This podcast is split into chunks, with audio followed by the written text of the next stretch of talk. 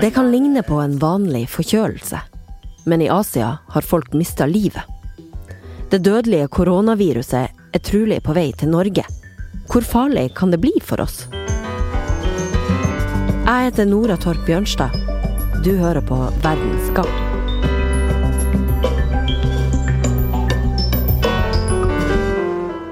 De siste dagene har det norske helsedirektoratet forberedt seg på å måtte takle lungeviruset korona, som har tatt livet av flere titalls mennesker i Kina. Nå kartlegges beholdninga av legemidler i Norge. Man ser på hvor stor kapasiteten ved sykehusene våre egentlig er. Ørjan Olsvik er professor i klinisk mikrobiologi ved Universitetet i Tromsø. Ja. Hvor trolig er det at uh, også vi i Norge får tilfeller av smitte fra dette viruset, Ørjan Olsvik? Ja, Du kan ikke hindre eh, et sånt her virus å bevege seg, og det gjør det jo ofte. Så um, at det kommer kanskje et tilfelle, ja. Men at det blir veldig mye syke folk, nei. Det første tilfellet man kjenner til av viruset, kom i millionbyen Wuhan, sentralt i Kina. En mann hadde vært på jobb på det lokale markedet, der han bl.a. selger levende dyr. Han kom iallfall hjem og var syk, og hans kone ble også syk. Og Det var de, de initialtilfellet. Og så ble det jo eh, tatt prøver. Det hadde jo sannsynligvis vært flere syke før, men han var den første man tok prøver på, og oppdaga da til slutt at det var et helt nytt virus. Det har versert mange teorier rundt smittekilden i Wuhan. Først var det snakk om fisk, så om en slange men nå rapporterer det anerkjente tidsskriftet The New Scientist og flere andre at det skal ha vært levende flaggermus som ble solgt på markedet, som bar på sykdommen. Og nettopp flaggermussuppe er en anerkjent delikatesse i denne byen. Den 31. desember ble Verdens helseorganisasjon orientert om utbruddet. Men det hevdes at kinesiske myndigheter var kjent med utbruddet helt fra tidlig i desember flere uker før det ble innrapportert. Olsvik, du mener det ikke er usannsynlig at kinesiske myndigheter holdt informasjon tilbake? Når man oppdager at de holder ting hemmelig, så blir man jo veldig nysgjerrig. Og uh, I dette tilfellet så er det klart at de har, har, nok visst at det var noen ting som skjedde, men de visste ikke hva det var, og de visste ikke alvorligheten av det. Og uh, Da er det jo ofte at man prøver å holde ting hemmelig inntil man vet hva det er for noen ting. Så hvis man skal eh, være snu godsida til, til kinesiske myndigheter, så vil man si at eh, de prøvde å unngå at det skulle bli panikk noe sånt i en eh, fase, og kanskje turiststrømmer og annet sånt, inntil man visste hva det var. Mm. Men jeg tror i Norge så hadde man kanskje fortalt dette mye tidligere. Ja, Hvorfor da? Ja, Fordi at vi, vi har mye, en mye større åpenhetskultur. A SARS-like virus which has infected hundreds in China has now reached the United States. Ørjan, vi eh, leser om at eh, det her viruset har nå spredd seg ut fra Kina og til flere andre land. Men du mener at det ikke er korrekt å si at det har spredd seg. Hvorfor ikke? Nei, det er altså folk fra denne byen i Kina som har fått viruset. Disse har blitt stoppa på flyplasser og tatt i, i karantene og, og, eventuelt fått behandling. Og noen av dem er sendt hjem igjen. Uten at det er folk i disse landene som har blitt smitta videre. Så i min verden så har ikke USA virusproblem i, denne typen i USA.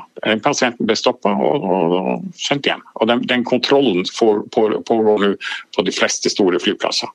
Og Derfor så tror jeg ikke det her blir så, så lett spredd som man skulle kunne tro. Nå er tallet på smitta flere hundre, og det fortsetter å stige. Det gjør også tallet på døde. Det utpeker seg noen fellestrekk ved de døde. For det første var de alvorlig syke fra før av, mange av dem med kreft. Og de fleste var ganske gamle. Snittalderen er over 70 år. The decision about whether or not to declare a public health emergency of international concern is one I take extremely seriously and one I'm only prepared to make with appropriate consideration of. Eh, Verdens helseorganisasjon de sier jo at de vurderer å slå internasjonal alarm. Hva er det som skal til for at de eh, skal velge å gjøre det? De gjør jo det litt for ofte, i, i, i min, min, mening.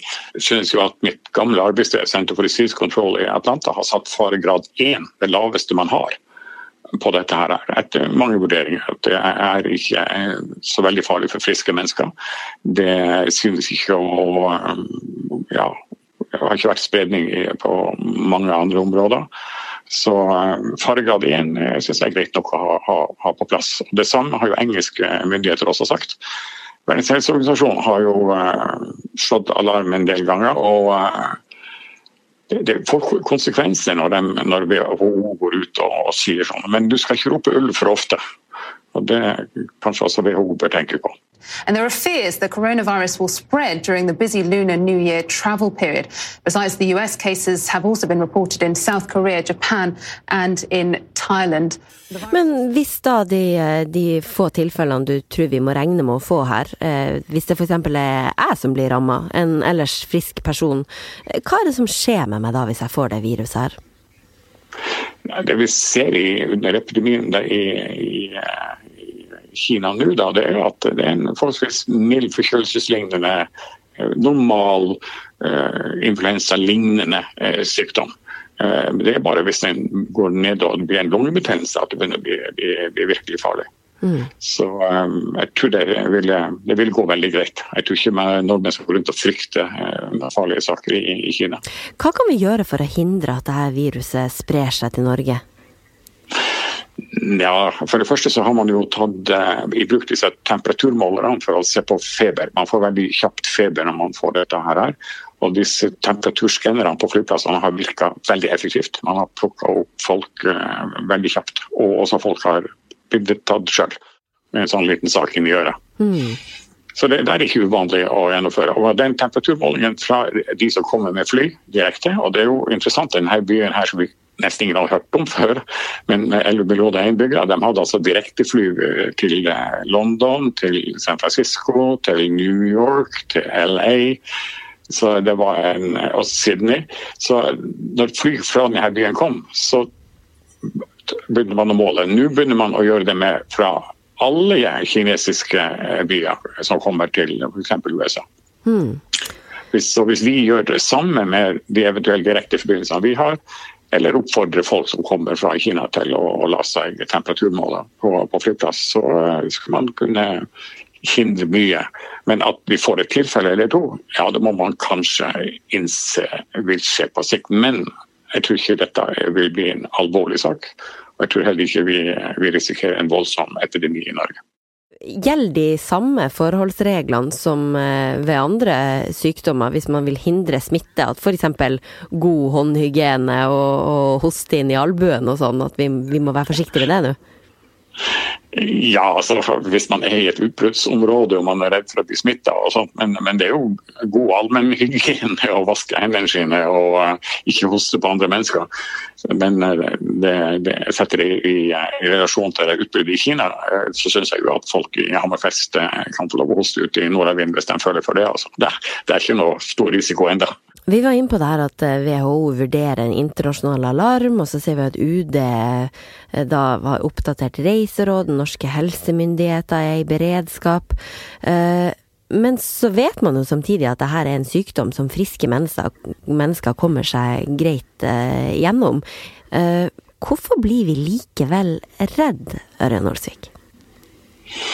Ja, det har jo med dette usynlige, det man ikke kan se, men som kan komme og, og drepe deg. Det er som når du var barn, det store grønne kalumbaen som bodde under senga, som kunne komme opp og spise små barn, men som forsvant hvis man slo på lyset og gjemte seg. Og det her At virus og bakterier er i prinsippet usynlige, kan fly gjennom lufta, og du kan være frisk den ene dagen, og neste dag er du nesten død.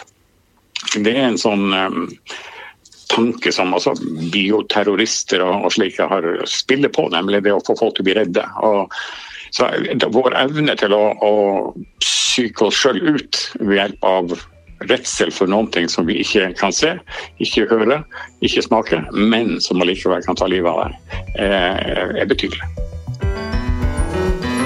Du har hørt en episode av podkasten Verdens gang, som lages av Emilie Hall Torp, Kristine Hellesland Tor Erling Tømt Ruud og meg, Nora Torp Bjørnstad.